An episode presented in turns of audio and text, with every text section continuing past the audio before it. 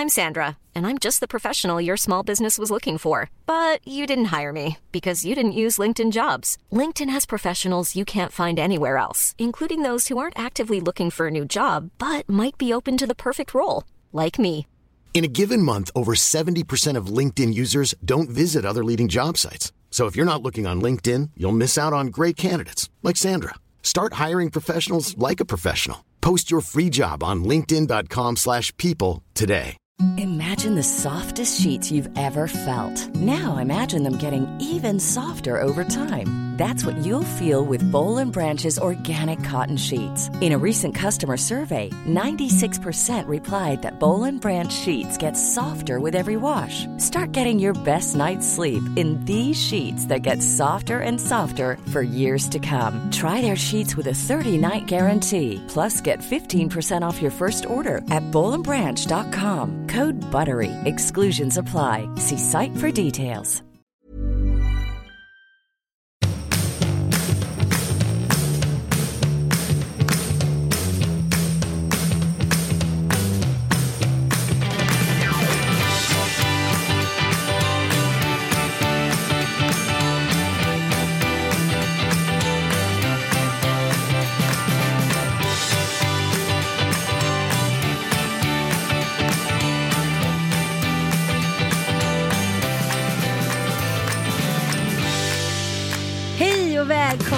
Välkomna till Lillelördag. Det känns som att livet går och Lillelördag består Anita. Fan vad länge vi har hållit på nu. Vi firar ju 100 avsnitt där på Intiman. 100-årsjubileum. Vi firar 100 år du och jag. Alltså, jag vad sa du? Det var lite som när vi tittade på Hitta Doris igår. Ja du var på den. Ja, Var den bra? jag blev faktiskt jättepositivt överraskad. Men vadå Nemo var ju hur bra som helst. Jo jag vet men jag hade sett den här äh, vad heter den äh, Ice Age 5 för några veckor sedan och kände så här nej men nu får ni sluta mjölka för att den här kossan den, är så är gammal och den är så den har sinat och magarna bara dallrar mot varandra. Men så spännande, så roligt gjord, humor, ja, så himla, liksom jag vet inte men liksom Disney at its, at its finest måste jag Mm. säga. Det var superbra. Och vi fick också med oss typ 20 såna här Kinderägg hem. Bara choklad över hela. Oh no. Oh no. Bobban kämpar på mycket bra tycker jag. Kanske var det som var på dina vita aknebyxor. Nej, jag har ingen aning. Det går ut för nu mot slutet här. Vad hände nu när Jag vet kom inte. hit? Men alltså helt plötsligt kollar jag ner på mina jeans. Då ligger det så här, ligger, eller sitter, typ några bajskluttar på mina byxor. mina fina vita acne jeans.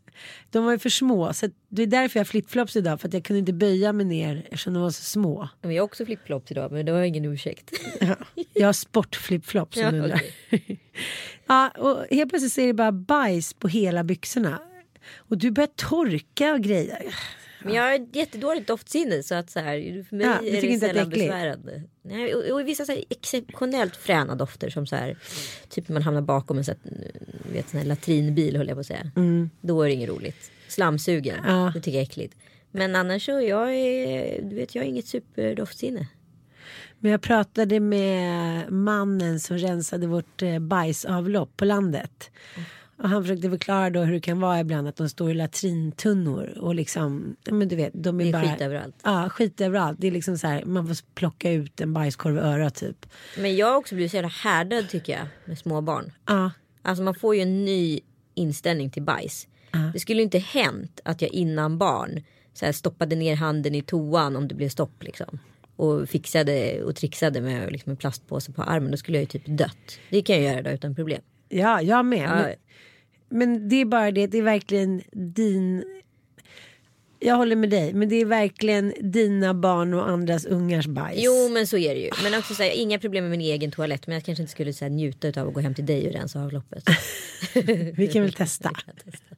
Har varit en riktig party här. Ja, riktig herregud, så party här. mycket party så vi glömde lägga ut Store lördag på lördagen fast de var där. Men jag hoppas att man lyssnar ändå. Ja, absolut. Det var nästan ännu trevligare att kanske lyssna på det på lördag eftersom den också hade lite religiöst innehåll. Exakt. Då får man ju inte göra så mycket på söndag. Man får inte jobba. Men Det var ju den heliga dagen så det var väl perfekt att vi var i paradiset då. Jag har tänkt lite på det här med paradiset. Efter vi poddade om den. Ja, det är Storelördag då som eh, ni kan ladda ner på Acast Stories.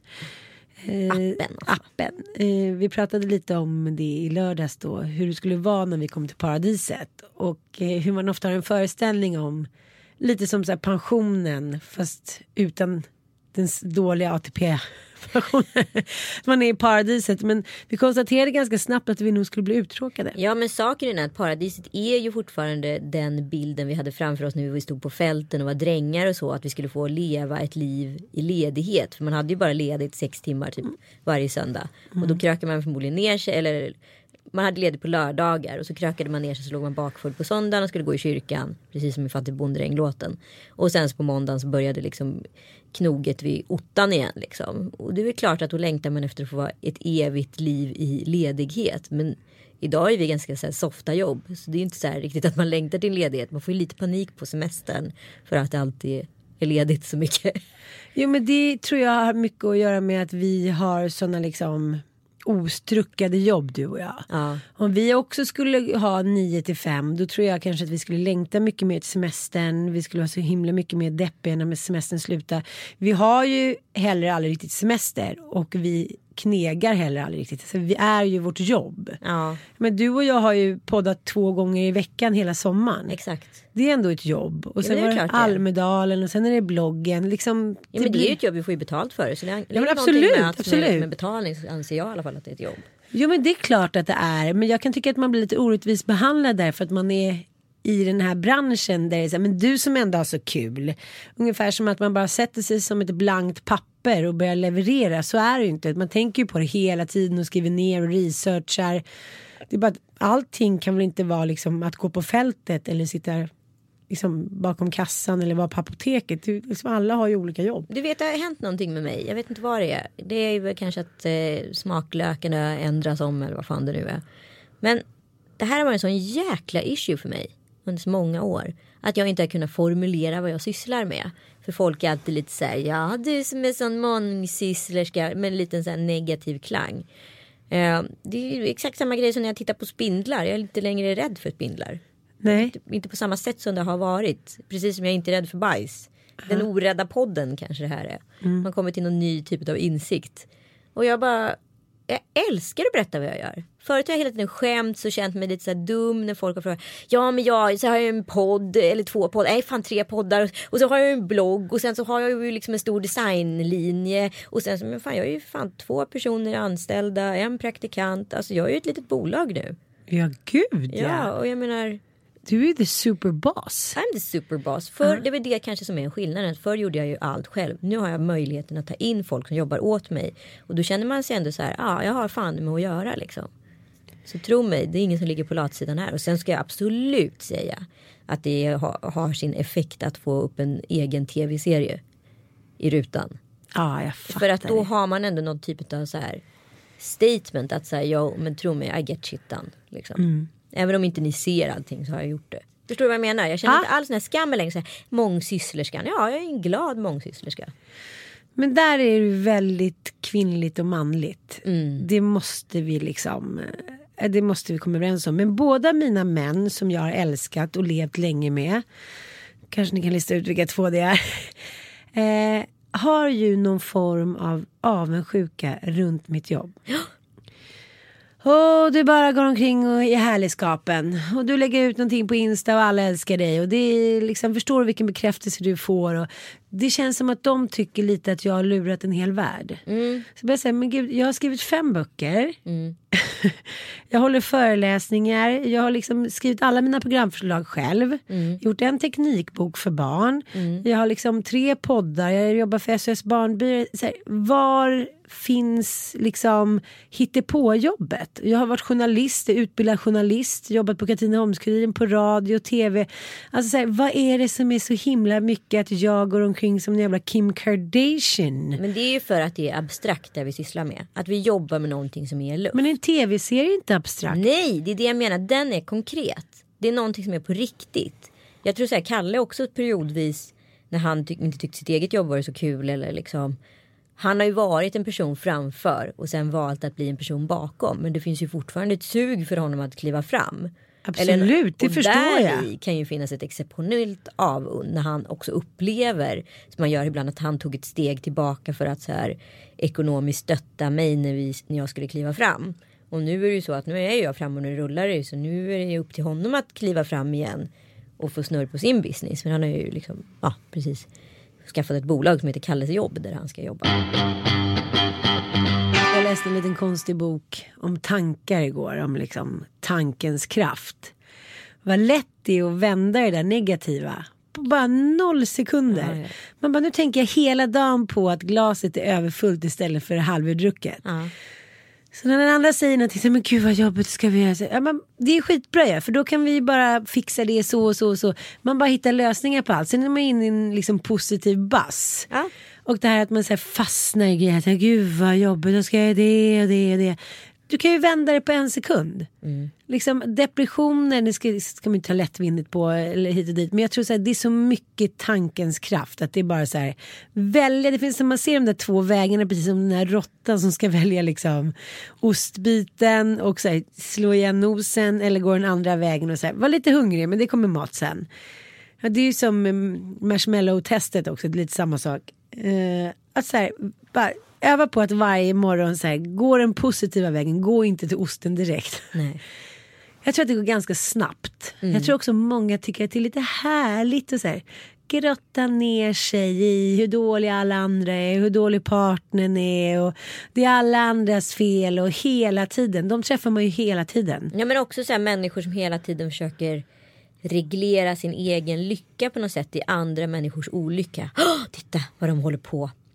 Ja nu är de ute och reser igen, det kan inte vara lätt det där det måste vara riktigt jobbigt. De är ju garanterat sådana bekräftelsetorskar båda två eller ja hon, är ju, hon har ju också varit jävligt flörtig med en annan. Alltså att de Ah, hela tiden försöker liksom. Alltid lägga till det lilla feministiska Ja. sticket. Ah. Ja men det är också så här att man inte fokuserar på sin egen relations lycka utan man försöker fokusera på an- potentiell annan relations olycka. Men det tycker jag man känner igen själv när man har levt i relation eller när man har sämre perioder i sin, sitt förhållande. Ja, men det är då du bygger ja, men om gud eller vad man snicksnackar om andra. Och bygger om och flyttar och liksom hittar på någonting. Och jag kan känna det där, vad man kan känna sig så milsvidd på avstånd från sin partner. Och det kan gå ganska snabbt. Jag kände lite så i fredags. Jag bara kände såhär, nej nu tycker jag bara allting är jätte, jättejobbigt. Då blir jag lite sur och så liksom hamnar den maktbalansen att Mattis blir lite orolig. Och så går jag, jag, bara, äh, jag går- in och tar en hormondusch typ. Jag bara försöker duscha av mig min, liksom, mitt dåliga humör. Och då kommer jag ut i duschen och då ligger det så här, ja, men, 30 röda rosor och en stor så här, ritad lapp. Jag älskar dig. Men då var jag så inne i mina tankar att allting var så negativt. Så då dels skämdes jag för att eh, jag liksom inte kände mig tacksam och för att jag hade varit så gnällig. Och dels så kände jag så här, men vad då? Nu eh, gör ju han det omöjligt för mig att få känna som jag känner. Jag kan ju inte så här gå ut med den där traven med rosor och bara, fast jag är fortfarande sur. Det går ju inte så då tänker jag så här. Det var en kidnappning av mina känslor. Även om det var så här otroligt gullig tanke. Men så då visste jag inte vad jag skulle göra. Så då satt jag bara inne på toaletten som en så här gammal lealös hund och bara väntade på vad som skulle hända. Så kommer han in då efter typ en halvtimme. Då ligger de där rosorna fortfarande på golvet. Och jag är bara så här. Jag känner mig som en Judas om jag plockar upp dem där. Jag känner så här, jag, jag kan inte plocka upp dem och ta, gå ut och tacka för dem. För jag är fortfarande så arg. Ja. Förstår du? Ja, ja, ja. Så jag sitter och han kommer in och bara, jaha, eh. tar upp rosorna och ställer dem i vatten. Och jag bara så här, eh, eh, och sen har han varit och köpt hummer och räkor och bla bla bla. Ja, men det blir bra sen. Jo men det där är ju så problematiken för att det handlar ju hela tiden om man då springer och så här småspäker varandra eller den ene framförallt kanske späker den andra. Och sen så då när man liksom är så jävla arg så helt plötsligt kontrar den då med kärlek. Då blir man ju förbannad på den kärleken. För Man är ju inte klar alls med det här och så ska jag liksom bevisa tacksamhet. Och när jag har fått den tacksamheten, ja då kan vi börja om från noll. Så funkar det ju inte liksom för Nej. en kvinna. Där, för att vi pratar ju ofta om att du och jag är så manliga i våra beteenden. Fast är, där är vi verkligen inte manliga. Där är man ju väldigt kvinnlig. Just det där beteendet som du eh, liksom pinpointar nu. Det säger ju forskare, terapeuter, kärlekslaboratorier bla bla. Är liksom kvinnans och mannens största problem. Att mannen är så här, ah, men eh, I got your point liksom. Du är lite ledsen för att jag inte har sagt jag älskar dig. Så här, Då gör jag det, jag älskar dig. Och sen så, men du har inte sagt det på tio år. Nej. men då är det klart. För då har de så här, de har åtgärdat det som gjorde ont hos den de älskar.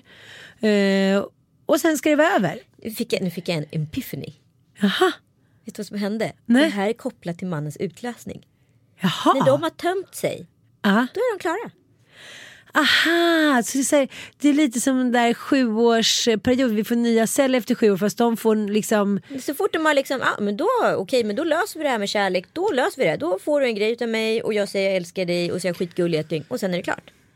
Under tiden för kvinnan då som funkar orgasmiskt att där kan man ju fortsätta ett par gånger man kan komma ett par gånger till eller, eller så kan man liksom ligga och surfa på samma Ja. Känsla. Den möts inte för att när mannen har kommit då, då har han ju kommit liksom.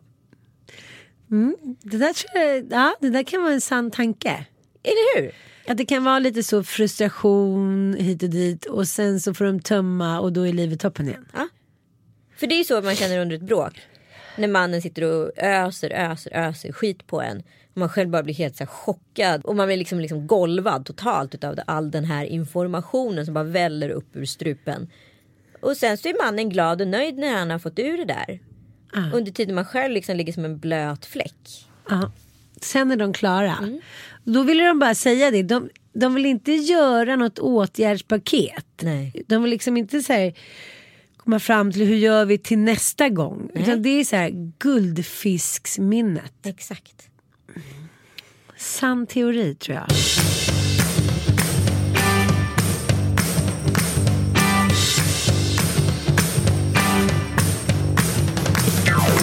Vi har ju båda varit på bröllop i helgen. Ska vi prata Ja. lite om det? Och fick tömma eller vadå? Ja, Nej, men det var ju två typer av bröllop. ja absolut. Absolut. För du blev ju faktiskt gift med någon annan. Ja, det var väldigt, väldigt märkligt. Eh, Jag var ju på Sofia Wistams Las Vegas party. Vi skulle egentligen båda varit på Hanna Westmans Bröllop, i Italien. Såg så fint ut. Gud, hennes klänning och... Jag Gå menar, in alltså, och kolla på Hannas room. Ja, helt fantastiskt. Ja, precis alla rätt. Det är det man egentligen vill om man orkar. Så här, åka iväg, vara där lite innan, ha sina närmsten och där innan bada, sola, dricka lite drinkar, äta lite middagar. Sen när alla kommer då har man liksom så här och sen sitta där på kvällen och det är medelhavsvindar. Äh, men så smart. Ja. Men så verkar jag säga, ah, men nu kunde vi inte av olika anledningar du och jag. Så då gick jag på Sofia Wistams fem, försenade 50-årsfest. Och det måste man ju ge Sofia, att när hon fläskar på så fläskar hon på. Och jag förstår inte hon hinner, jag förstår inte hon orkar, men hon gör det liksom hela tiden. Jag måste ändå säga att hon är konsekvent i kitsch. Absolut, det, Det, måste har jag säga. hon Det må- varit i 30 år. Ja. Säger du det som en bra sak eller dålig sak? Nej jag säger det som en bra sak och jag kunde ha sagt det som en dålig sak för ungefär 15 år sedan. Ja. Men hon, i och med att hon är så pass konsekvent i det så Ja. förstår jag att så, det här är på riktigt för henne. Det här Ja. är inget liksom så här, åh Stockholms trendig grej jag vill göra för att jag är lite crazy och cool och kul. Utan det här är någonting jag tycker är underbart. Genuint. Ja. Nej, men det var faktiskt väldigt, väldigt roligt. Först var det då med hippa och svensexa. Eh, det här är också någonting när man får inbjudan så känner man sig men gud vad är det här för galenskap? Möhippa, svensexa, alla ska ha brudklänningar. Men när man väl är där och med henne och liksom alla de här olika människorna då är det som den mest naturliga saken i världen att alla går omkring i bröllopsklänningar. Men jag tycker det att så här, oavsett fest eller vad det nu är. Man måste mentalt liksom inträda i den som har skickat inbjudans lilla mikropsykos. Ah. Om du inte spelar spelet och hela tiden är en betraktare som står utanför då kommer du inte heller njuta av det du är med om. Så jag tycker det gäller oavsett vilket bröllop eller kalas eller vad man nu är på. Man måste känna det de känner och vill uppnå annars kommer inte det här vara kul för dig. Det är verkligen sant. Man måste liksom vara tillsammans i en liten masspsykos. Men jag tänker ändå när de flesta som går på en 50-årsfest har ju varit på ganska många roliga fester och bröllop. Och att just det här med tema är ju väldigt smart på något sätt. Det behöver inte vara något stort tema men det förenar ju alla i någon form av tankeverksamhet innan själva festen. Ja. Att man måste så här, anstränga sig att hitta en klänning eller hitta något litet vad det nu än skulle handla om en clownnäsa eller att alla ska med sin peruk eller liksom. och jag tänkte på också han Heinz, ketchup Heinz arvtagaren att många var utklädda till alver. Ja, det var ju roligt. Så känner jag lite så här. Nej, det kanske inte riktigt. Eller Mia Högfeldt, de hade ju 20-talstema. Ja. Det är också fräschör liksom. Då tänker jag, måste tänka lite på mitt eget tema. För det får inte vara för komplicerat. Ja, men då kom vi dit i alla fall. Killarna var på ett ställe och tjejerna var på ett ställe. Och min älskling hade ju då en typ onkel Sam. Ja, hur ska du förklara det? Ni kan kolla på min Insta. Ja. Ja, ni vet den här gamla amerikanska propagandamodellen som var Onkel Sam wants you när de skulle rekrytera till armén. Och det här är alltså på för hundra år sedan. Men den dräkten är ju också från typ så här 40-talet. Exakt. Så att den var ju liksom ingen så här kitschig som hyrdes utan det är ju en köpt direkt som vi lånade av Jenny och Fredrik. Så den satt ju som en smäck. Ja. Men eftersom Mattis heller inte kommer från den här branschen och han inte kände någon så kände jag ändå lite så här. Gud han kommer komma in på liksom den här svensexan hemma hos Sofia. Vet du vad jag tänker på? Nej. Jag tänker på Tom, Tom Hanks i Big. Du vet när Ja. han kommer på sin första smokingparty. När han har hyrt då, han är ju egentligen ett barn som har blivit vuxen över en natt. Ja. Och börjat på, fått ett hotshot-jobb på ett leksaksbolag. Och nu ska han på sin första liksom, stora firmafest och de ska hyra kostymer. Och då kommer ju alla i ja, svarta tuxedos, alltså smokings. Och sen så kommer han i Las Vegas blå historia med krusiduller. Som man förmodligen hade valt om man var så här 10 bast. Ja kanske nu också. Det blir så mycket roligt. Det är lite som i Dum Dummare också. Så var Mattias. Men så var han och så går han upp liksom du vet, uppgången till Sofias och Magnus hus. Jag bara säger, jag känner mig lite. För jag sitter med några jag av mina bästa kompisar i någon gammal klänning jag hittat på Myrorna. Men allt är ändå game. Man vet att man kommer känna de flesta och sådär. Och han går upp till och bara känner så här, men gud. Det känns typ som att det är min son som ska gå upp och så här halshugga. Du vet att du har lurat in honom i en fälla. Ja, ja. Så ser jag de första Instagram-bilderna och då är det så här, det var ju strippa hos killarna. En tjejstrippa. Ja. Och så var det manlig strippa hos tjejerna. Ja. Och så ser jag bara så här 40 och 50-plussare. Med Allt från så här Moss Herngren till Hannesholm till Orup till jävla- Och alla är ändå så här. Ja, det är italienska snyggkostymer, det är kanske någon skjorta. Nej men det är ingen galenskap överhuvudtaget. Och så kommer Mattias som onkel Sam. Howdy howdy! Och jag fick smsa så här, hur går det älskling? Han sa att han hade skämtat så här, ja, vad är baren? Jag ska jobba här. Så att han hade det och sen var det ju några till som hade liksom riktigt crazy bananas. Men det var en grej som var ganska intressant. Det var ju då eh, strippa hos killarna och eh, strippa hos tjejerna. Han var helt naken. Nej, men det var mycket så här lösdildos, smörja in, Sofia skulle smörja in, slicka upp grädde, slå med batong. Alltså jag hade blivit så du vet, om det där hade hänt på riktigt för mig. Jag jag hade blivit arg. Ja, men det var ju Sofia som hade liksom Ja, ja men det är väl klart. Och hon Det- är ju sån. Hon tycker att det är kul. Precis, men Tilde de Paula som aldrig har varit på en eh, liksom, möhippa där det har varit en strippa. Nej, hon tyckte att det här var så otroligt. Hon, liksom, hon gick bananas. Hon bara...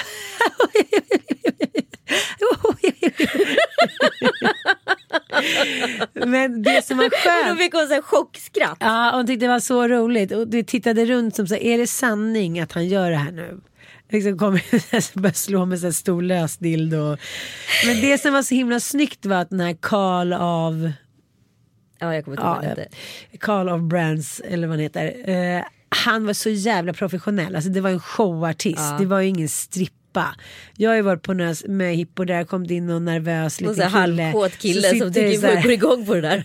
Nej faktiskt inte. Sitter det så här 40 kvinnor som kanske har lite så här halvrisit i bingen de senaste fyra åren som är bara så här. "Wow!" Det blir inget bra. Här var det mer liksom som vilken showartist som helst. Men det som hade hänt berättade killarna som hade varit på svensexan att när den här strippan kommit in så blir alla så stressade. För att en kvinna. Nej, för att liksom just tror jag hur ska det här tas emot av ett deras fruar På sociala medier. precis och tre så här är det här en- setup Ja. Så alla är så här, äh, kollar på varandra superängsligt, sitter och applåderar lite så här. Så slut säger hon bara så här, "Nej, men vet ni, jag skiter i det här nu. Om inte ni så här tar och skärper till er och så här visar lite uppskattning för min stripp, så här, då vill inte jag vara kvar typ. Förstår du? Oj, Ja. under tiden ni bara gött, jag säger det är manligt kvinnligt, har ju bytt plats. Ja, och vi är bara galna och det slickar grädde från brösten och skriker och filmar och skrattar och skålar. Tycker att det här är typ det roligaste som någonsin har hänt. Och där är de liksom superängsliga. Det är Fy ganska fan intressant. vad intressant Så alltså. jäkla intressant. Det här tycker jag är en milstolpe. Den här informationen. Fast grejen är så här, jag, jag kan ju inte så här, jag kan ju inte Jo jag kan bli glad men samtidigt kan man ju bli lite bedrövad. Förstår du vad jag menar? Att vi inte, det enda lösningen vi hittills har då kommit på med feminismen det är att vi har blivit snubbar. Ja, det är som Kalle säger. Vi är Ja, vi är griskvinnor. gri- Det är kanske vår podd. Det, kanske, det ska ju vår show på Intiman heta. Griskvinnornas Gri- nej, Griskvinnornas välde. Nej, griskvinnorna bara. Ja. Det är ett underbart, så har du och jag här Ja, gristrinen. det är Det är genialiskt. Och även när vi ska livepodda, det kommer mer information om det på Haymarket längre fram. Det var i alla fall skitintressant för till slut då så en kompis, gemensam kompis då, Fia, hennes man som satt i någon blå kostym och knallrött eh, hår och såg ut som så här amerikansk seriefigur. Han tänkte så här, äh, nu kör jag. Och eh, så han gick ju all in. Ja. Och eh, ja, hon kom ju fram med sina katakombas och han var så lycklig och tog bilder så att det fick igång det och även Anders Ram då. Sofias ex var tydligen väldigt exalterad. Så sen kom det igång men jag pratade med några killar om det där och de sa Ja man vet ju inte riktigt hur man ska reagera. För det har ju varit sånt himla liv och ska vara striptease på liksom svensexor och kvinnorna blir galna hit och dit. Men själva sitter vi där. Själva sitter Och ni där. pratar om penisstorlekar och det är liksom Och slickar lösdildos. Ja. som att det är så här, skojar och skrattar och tar den här snubben på alla möjliga ställen på kroppen. Mm. Men förstår du vad som har hänt? Positioneringen har gjort så att vi tycker att all den skit vi har fått ta under alla tusentals år. Nu när vi är i liksom en position där vi har gått förbi männen. Då kan vi bete oss hur fan vi vill för att vi har så mycket liksom. Ja, men det är det jag menar, är det här vettigt? För helt plötsligt gnäller vi då hemma på liksom att vi har kuklösa män och, och så här, de vill inte ha men de vill inte se mig. Alltså vi är ju, vi är ju krösa på ett sätt. Vi gnäller ju bara när vi själva inte får den tillfredsställelse vi vill. Sen så agerar vi exakt som männen. Ja absolut. I alla fall ja. Ja, och så männen är svinrädda för att de går på en stripp. Och det kanske de ska va- bör vara. Ja. Men under tiden vi då får kötta loss och grisa med en kille på samma sätt som killar förr i tiden har grisat med tjejer. Är det så jävla fräscht? Det är väl mer det. Är det här känner- rätt väg att gå? Det kanske det är. Jag vet inte. Men då blir det ju att vi skrämmer männen till tystnad. Ja, och sen så kommer folk vara otrogna hitan och ditan. Ja. Men det här var i alla fall väldigt, väldigt roligt. Och det man inser när någon har gått all in med ett tema är ju att det blir ju liksom vi är ju alla i skydd av temat. Vi kan se ut hur som helst. Ja. Vi kan egentligen bli hur fulla som helst. Ja, men också jag tänkte på att det fanns någon sån här koppleri tjosan fanns det något lite, lite halvflörtigt i luften i och med att ni blir bortgifta med andra. Eller var det bara komiskt? Eller fanns det någon så här lite nyckelbytar kä- stämning i lokalen? Jag tycker du frågar fel person. Eftersom jag då gifte mig med en kvinna. Ja.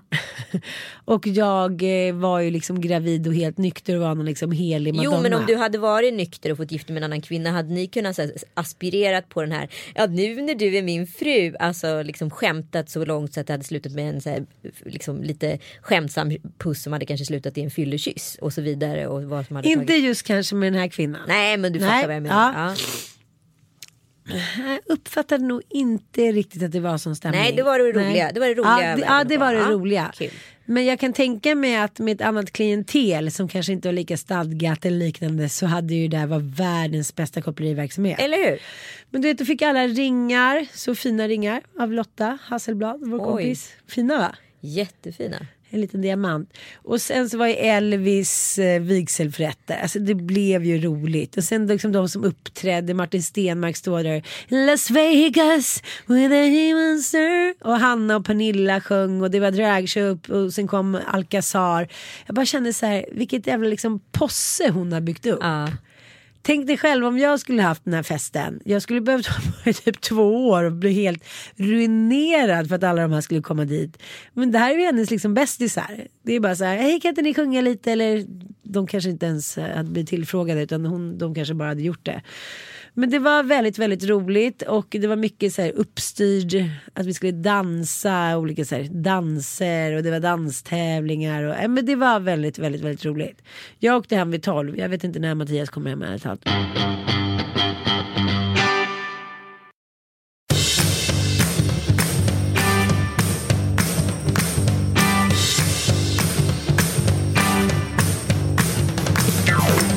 Varit på ett traditionellt bröllop i helgen. var Pelle Porseryd som gifte sig med sin Simone. Och det var underbart vackert. De såg ut som, ja, de är en ganska bra genetisk pool de där två. Liksom. Jo. Eh, det kommer inte bli någon ful avkomma om man säger så.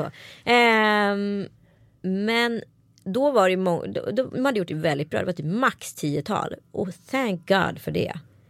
Jag tycker att det är så sjukt bra med färre tal. Jag, började, Ah. jag har varit på så många bröllop där det stått liksom 22 tal på talarlistan och man bara åh Det herregud. förstör ju för alla på något sätt. För ingen orkar man är ju lite som ett barn när man är på bröllop. Man orkar bara behålla uppmärksamheten x antal timmar. Max tre tal per rätt. Sen Ja. är det över. Jag håller med. Ja, och de talen måste också vara inom en viss. Alex Kosek, Gry som var toastmaster, var väldigt väl uppstyrt. Han var det tillsammans med en av eh, brudens eh, eh, tärnor som var jätte, jättebra. Eh, och de hade liksom en jättetydlig ram. För de kom på också en grej som jag tänkte på. Som är så självklar men som man aldrig får till. Inför mitt bröllop. Nej men eftertalen. Först skål, sen klapp. Förstår du vad jag menar? Ja. För det här är allt bara, folk börjar så direkt applådera, några tar upp glaset, det uppstår förvirring. Så här enkla grejer. Så först skål, sen klapp. Mm, det är bra. Bra! Och max tiotal först till kvarn. Exakt, eller att man själv som kanske brudpar skickar ut en förfrågan till dem man vill verkligen ska tala. Och då ingår ju såklart tärnor och marskalkar i det där och föräldrar. Ja. Men eh, ja men hur som helst, där var det ju många liksom tal, tal. Sen var det några som utmanade liksom ramen utav vad ett tal är. För är man på så här mediabröllop eller kulturbröllop etc. Där använder man ju ofta ordet och bilden för att illustrera det man vill förmedla. Ja. På ett artistbröllop där använder man ju sångrösten och artisteriet och det kroppsliga uttrycket för att förmedla det man vill berätta. Men skitsamma tycker jag egentligen hur man gör det, bara att man gör det liksom.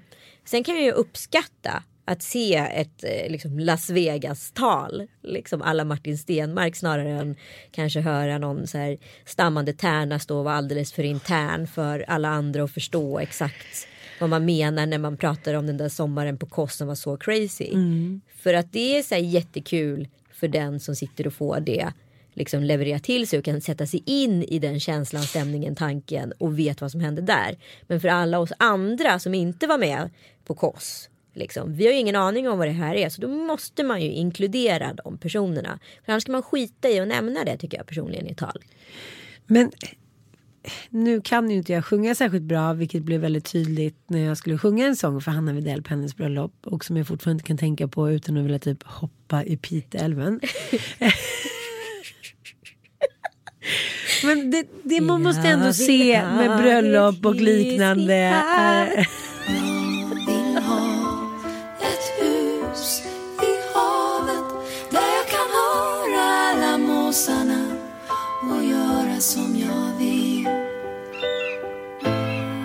Så där skulle det ha låtit som det lät nu med Marie Fredriksson. Du hade komp.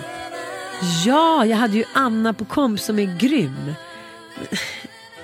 Hade du tutat lite innan du sjöng? Ja, det är klart jag hade. också. Ja, det får man ju inte göra. Det är klart man inte kan. Eh, ytterst lite. Men det är så här, alla har ju väldigt goda intentioner. Men det är också så här, för varje år som går så blir det svårare och svårare att hålla ett random tal. Men jag har Ann, jag måste bara ändå så här, jag har ju en sån också. En Min skämsis. absolut, ja, men absolut värsta. Och gud det här, nu blir jag, nej, nu blir jag stressad när jag ska säga det här. Åh herregud. Eh, på Sigge Eklund och Malin Eklunds årliga sommarfest som de hade Ah, förr i tiden ah. så var det Fredrik Wikingsson och några andra, Alexander Kronlund eh, och några, vad heter de från Teddy Bears. Ja, Ja, Claes Åhlund. Ja, Claes Åhlund och det där gänget som hade då satt upp att man fick spontansjunga. Ackompanjera. Ja, så att här, ja, Sigge sjöng, det var någon sångerska där som sjöng. Ja, Fredrik sjöng ju såklart och ja, Claes Åhlund och Alexander Kronlund. Sen får Anita då feeling och går upp och sjunger. Och då Nej, men menar vi alltså Anita Schulman. Nej men alltså så här, tänk dig 16 glas, små glas, plastglas rosé senare.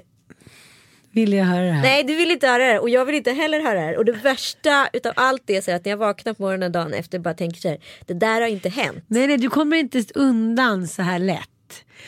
Varför fick du feeling? Liksom, försökte du stöta och blöta med det här eller var det bara så här? Oj, mikrofon i Las Vegas. Ja, exakt så. Och jassade fram någon spontan låt. Ja, utan, text. kom. Utan, nej, utan text men mer kom. Jaha.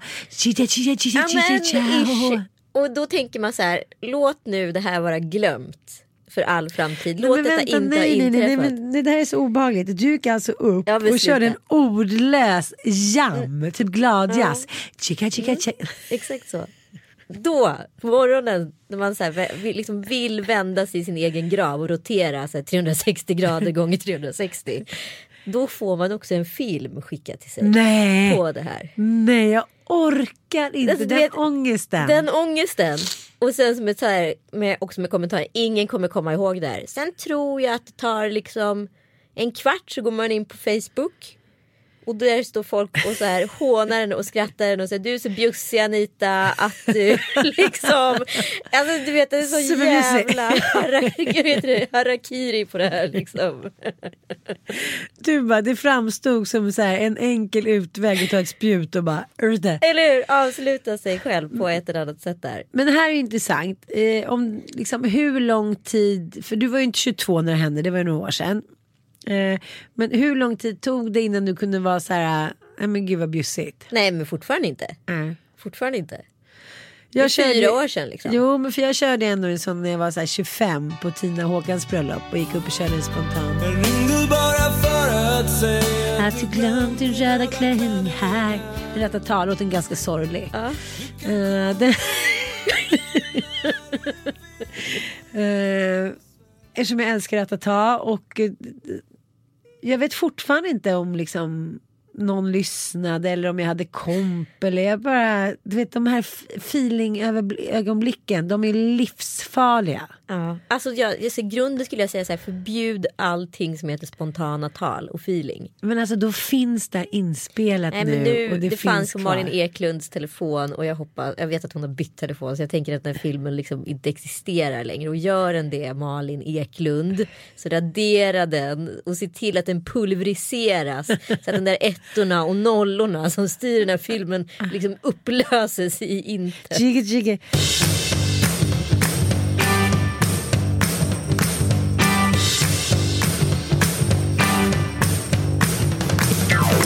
Nu är det så att jag ska försöka styra upp någonting litet till min man då som fyller 40 på fredag. Så jag kan ju inte följa med på guldknappen. Nej. Men du får komma sen. Jag kan inte avslöja vad jag ska göra. Nej. Eh, Men eh, han är ju så till sig. Vad tror han att det blir då?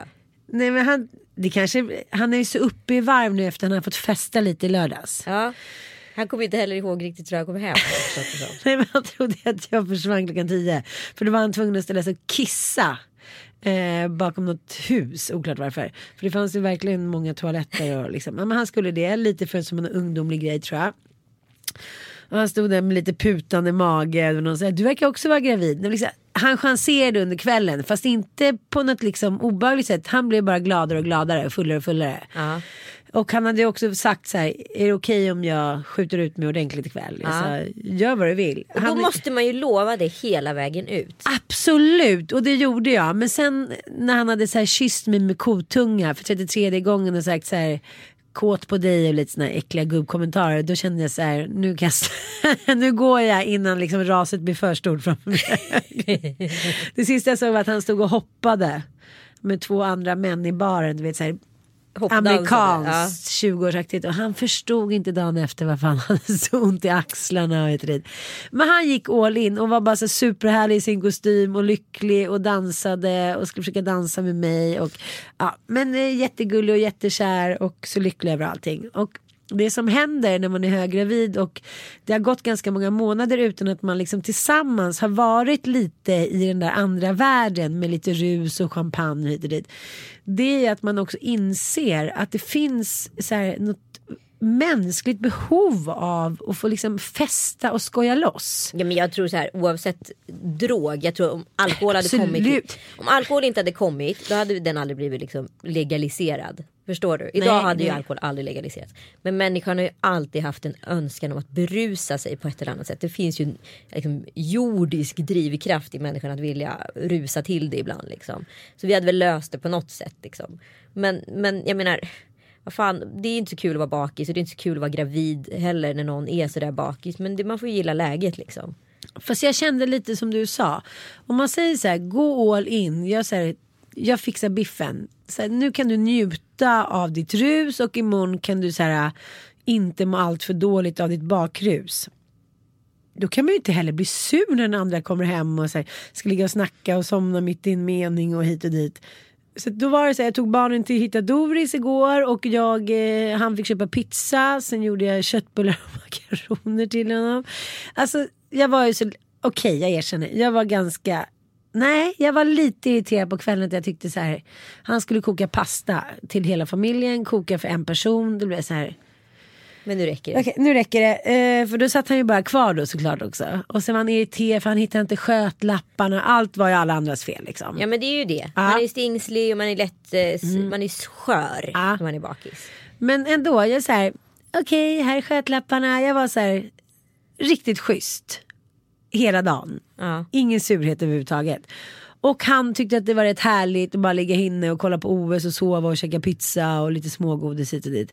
Men det värsta som finns, vilket man har varit med om ganska många gånger tycker jag när man är på fest, att andra är så här, men kom igen, kom sent, ingen fara. Och sen när man väl gör det, och det känner du också till, då, bara, då ska man ändå få skit när man kommer hem eller dagen Nej efter. men det är min värsta. Ja. Men den Min är värsta. helt... Varför? Är det en missunnsamhet som kommer smygande i brist på sömn, i brist på liksom... Jag tycker många människor också har svårare att njuta ju äldre de blir. Att det blir så här, det är så mycket krav och hit och dit och nu, eh, nej det där är inte för mig längre. Måste folk hålla på och festa så här, nu är vi ändå 40. Alltså som att det så här ska bli tråkigare och att man, det ska bli fulare att festa för att man blir äldre. Det är då man har ännu mer behov av det. Man har småbarn och lån. Ja, men som jag känner också nu att man är liksom på väg ut på andra sidan. Man har en tvååring som fungerar och pratar och liksom. eh, Ja men man har liksom man har fan med suttit inne liksom i två år. Och jag känner mig. Sen ska inte jag säga att jag och Kalle har liksom tagit det lugnt. Men man har ju ändå så här hela tiden känt att man har gått på fest med ett större typ av ansvar. Än vad man kanske gjort med ett barn eller innan barn och så vidare. Och nu känner man helt plötsligt att man är lite utsläppt på grönbete igen. Och då är det så jävla kul att så här, och som jag säger, det enda jag vill är att få dansa. Jag älskar att dansa. Och när jag får dansa, vilket man sällan får, om det inte är någon typ av jämnt fyllnadsfest eller bröllop. Då, då kan jag lika gärna gå hem, det är inga problem. Men får jag dansa, går jag på en nattklubb och jag får möjligheten att dansa, då kommer jag dansa. Men- och då vill man inte heller få det dagen efter. Att här, du var ute längre, jag får alltid gå hem. Fast man har fått lovet att vara ute. Men då undrar jag varför vissa människor vill verka bjuckiga. Men sen inte är det. Ja. De gör det bara som en så här tvångsmässig handling. Men jag gör det. Det är lika bra. Ingen fara. Det är så här, jag tror att de vill ha den klappen på axeln. Det är bara när klockan är så halv ett. Men det finns liksom ingen möjlighet att ge den här klapp på axeln. Man är bara så här, okej antingen åker vi hem eller inte. Det är inte så här, åh du uppoffrande goda man som jag kommer älska nu i tre veckor extra för att du gick hem. Det är lite så här som ett barn. Som bara, då tänker inte jag följa med om, om inte jag får det. Man bara, nej var hemma då. Ja exakt. Jaha, det vill jag inte vara. Alltså så här, it's too late att börja med den där offerkoftan och liksom martyrskapet. Ah, Ja, nej, men jag blir helt galen på det. Jag tycker också så här, när man också så här, säkerställer eh, att så här, men är du, är du helt okej med det här? Är du verkligen säker på det? För jag följer gärna med hem. Nej, inga problem, har det så himla kul. Jag lovar, alltså du kommer inte bli sur på mig imorgon. Nej, nej, inga problem. Och sen får man ändå så här, hur fan kunde du komma hem så sent? Eller vad har du egentligen gjort till eh, klockan fyra? Man bara, Vad har jag alltså, gjort? Det är inte vad dos. fan.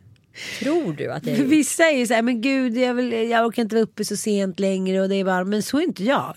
Har jag riktigt kul då kan jag så här hålla på till fem. exakt, jag har inga det är problem med inget det heller. svårt, det är inte så att jag blir trött eller tänker på morgondagen utan då får jag klara det då. Ja men då får man ju lösa det Ja, då. ja. Alltså så här, Absolut, kung på natten men du får stå ditt kast dagen efter. Mm. Alltså du ska rodda barnen, jag var på barn, jag kom hem halv fem. Vi åkte egentligen därifrån halv tre men det tog två timmar in till stan för en taxi som vi hade beställt hade dragit. Men liksom då var det jag som fick sticka iväg på barnkalas och det hade jag ju redan planerat att jag skulle göra. Men det var bara att göra. Mm. Och sen får du vara jävligt trött liksom. Efter klockan sex på kvällen. Och du får ta en powernap på dagen. Det är helt okej. Men liksom man bara ser till att härda ut. Sen får man bara se till att liksom lägga sig tidigare så att man inte är trött i två, tre dagar i sträck istället för, för en dag. Men man får Men tror- inte heller straffa den som är. Nej det tror jag är så här, det är dödsstöten för en relation att bli missunnsam. Exakt. Det kände jag i min Bitter. förra, min förra relation. När, så här, när det blev missunnsamhet. När man skulle så här, känna skuld för att man var glad och hade roligt. Då kände jag så här, nej men nu dog det. Så är det bara.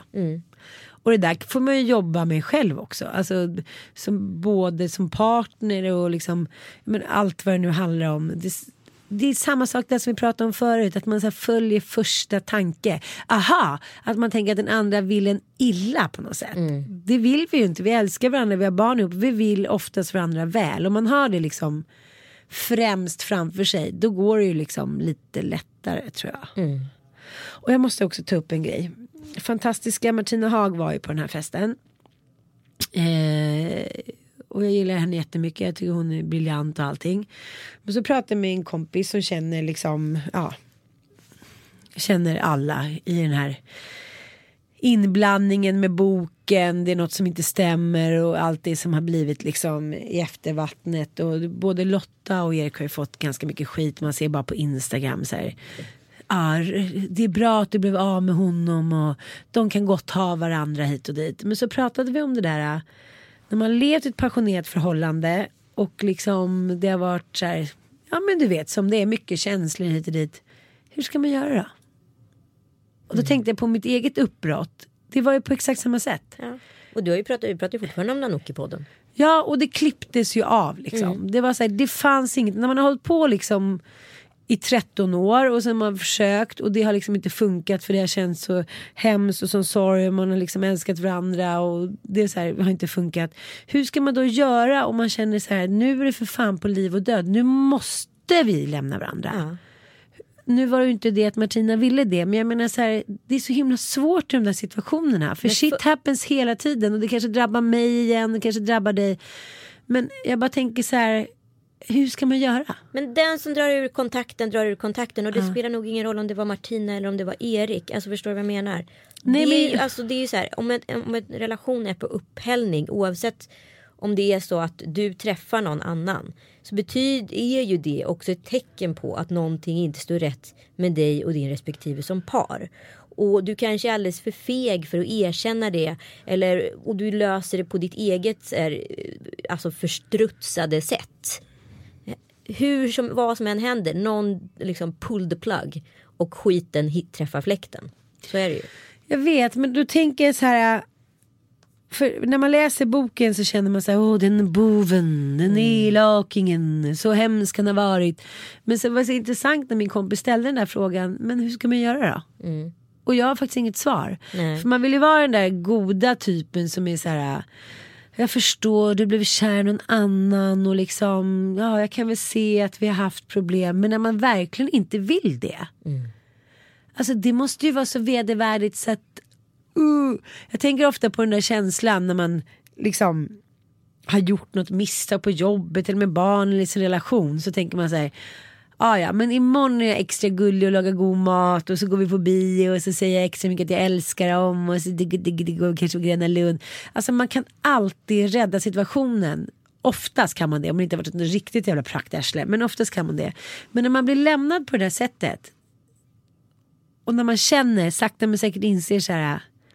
Hen vill inte ha mig längre. Hen kommer aldrig mer vilja ha mig. Vårt liv är över. Mm. Nej, jag kan inte ens föreställa mig den vidriskapen. Nej, jag kan inte heller förstå med det. Det är svårt liksom. Det är svårt bara. Ja, Att veta hur man ska göra. Vi kan prata lite om det här med sociala medier också. För det här som är det konstiga. Det är det jag menar med att förr i tiden kunde man så sitta på damfriseringen och kolla i så här Hämta extra och säga men gud Lill-Babs ser inte klok ut i håret. Vad har hon gjort egentligen? Hon var ju mycket finare med de blonda slingorna.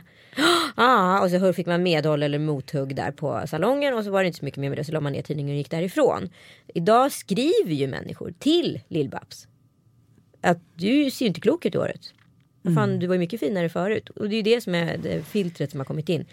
Och det, jag har sett några knasputtar på andra människors konton som då påstår att de har anmält mig och Kalle till SOS. För att vi missköter Penny Schulman. Exponerar henne. På sociala medier enligt barnkonventionens regler.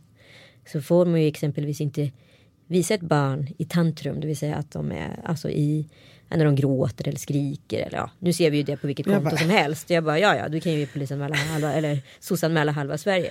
Men det är det här med för det här förmyndaransvaret. För att vissa människor, de flesta ska jag säga känner ju var ens personliga gräns går. Att här kan vi bry oss och oja oss och göra vad vi vill och tycka och ha åsikter. Och det kan vara ett samtalsämne på en middag. Men att det hände exempelvis att flera personer hade anmält henne. Och det slutade med att SOS måste ju ta det här Anmält henne för vad? Nej för att de bryr sig helt plötsligt då. De bryr sig. De går in, de ser att det, att det inte står rätt till här. Så det är bäst nu agerar de och samhällets vägnar och tar det förmyndaransvar man måste för att det man kan tolka som den hobbypsykolog alla är idag är att det här barnet far illa. För att man har varit med på en bild ute på krogen eller? nej men nej inte ens det. Det kan ju vara liksom att man här, tolkar att en person mår dåligt eller, eller ah. i vårt fall så förutsätter man att de tycker då att, de har, att vi har exponerat Penny på ett sätt som är då skadligt för henne. Liksom. Och då ringer SOS? Och då ringer SOS. Så att vi kommer ju få ett SOS-samtal eller två eller tre, inte vet jag. Liksom. Men eh, den dagen det händer, då händer det. Liksom. Men Ja, det är ju så här, det är ju både det bra och det dåliga med sociala ja, jag medier. Fattar, jag fattar. Men jag menar om man kollar exempelvis på det som jag har liksom varit helt uppslukad av senaste veckan. Eh, sommarstugemordet och den kvinnan. Där har det funnits liksom fosterhemsplacering och där har ju barn farit illa och de här två spädbarnen som dog i somras eh, på grund av den här eh, missbrukarfamiljen. Liksom, där finns det ju liksom anledningar att bry sig. Mm. På riktigt. Men där bryr sig ingen. Men när man inte behöver bry sig, mm. då bryr man sig. Mm. Det är väl den svenska avundsjukan? Jag tror det. Jag tycker vi kan eh, på något sätt övergripande se att avundsjuka ställer till det väldigt mycket. Både relationer inom bruks och utom bruks och inom värtes utom värtes. Jag tycker att vi ska vara lite mer så här. Ska vi bjussiga, vara bjussigare och unna varandra mm. mer? Det är vårt nya mål. Mm. Och fastna inte i den där första tanken hela tiden. Så här, smula sönder den. Tänk på den lite som en såpbubbla. Jag ska också bli bättre på det. Tre dagars regeln eller vad är det? Ja. Tio timmars regeln. Tre minuters regeln. 30 sekunders regeln. Puss och kram, vi hörs om en vecka. Tack för att ni lyssnar, vi älskar er.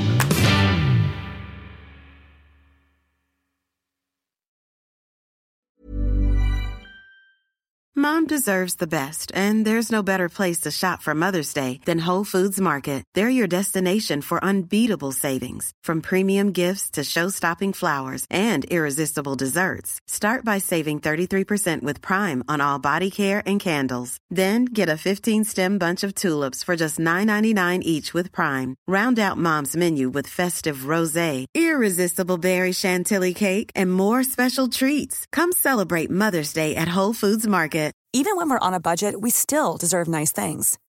Quince is a place to scoop up stunning high-end goods for 50 to 80% less than similar brands. They have buttery soft cashmere sweaters starting at $50, luxurious Italian leather bags, and so much more. Plus, Quince only works with factories that use safe, ethical, and responsible manufacturing. Get the high-end goods you'll love without the high price tag with Quince. Go to quince.com/style for free shipping and 365 day returns.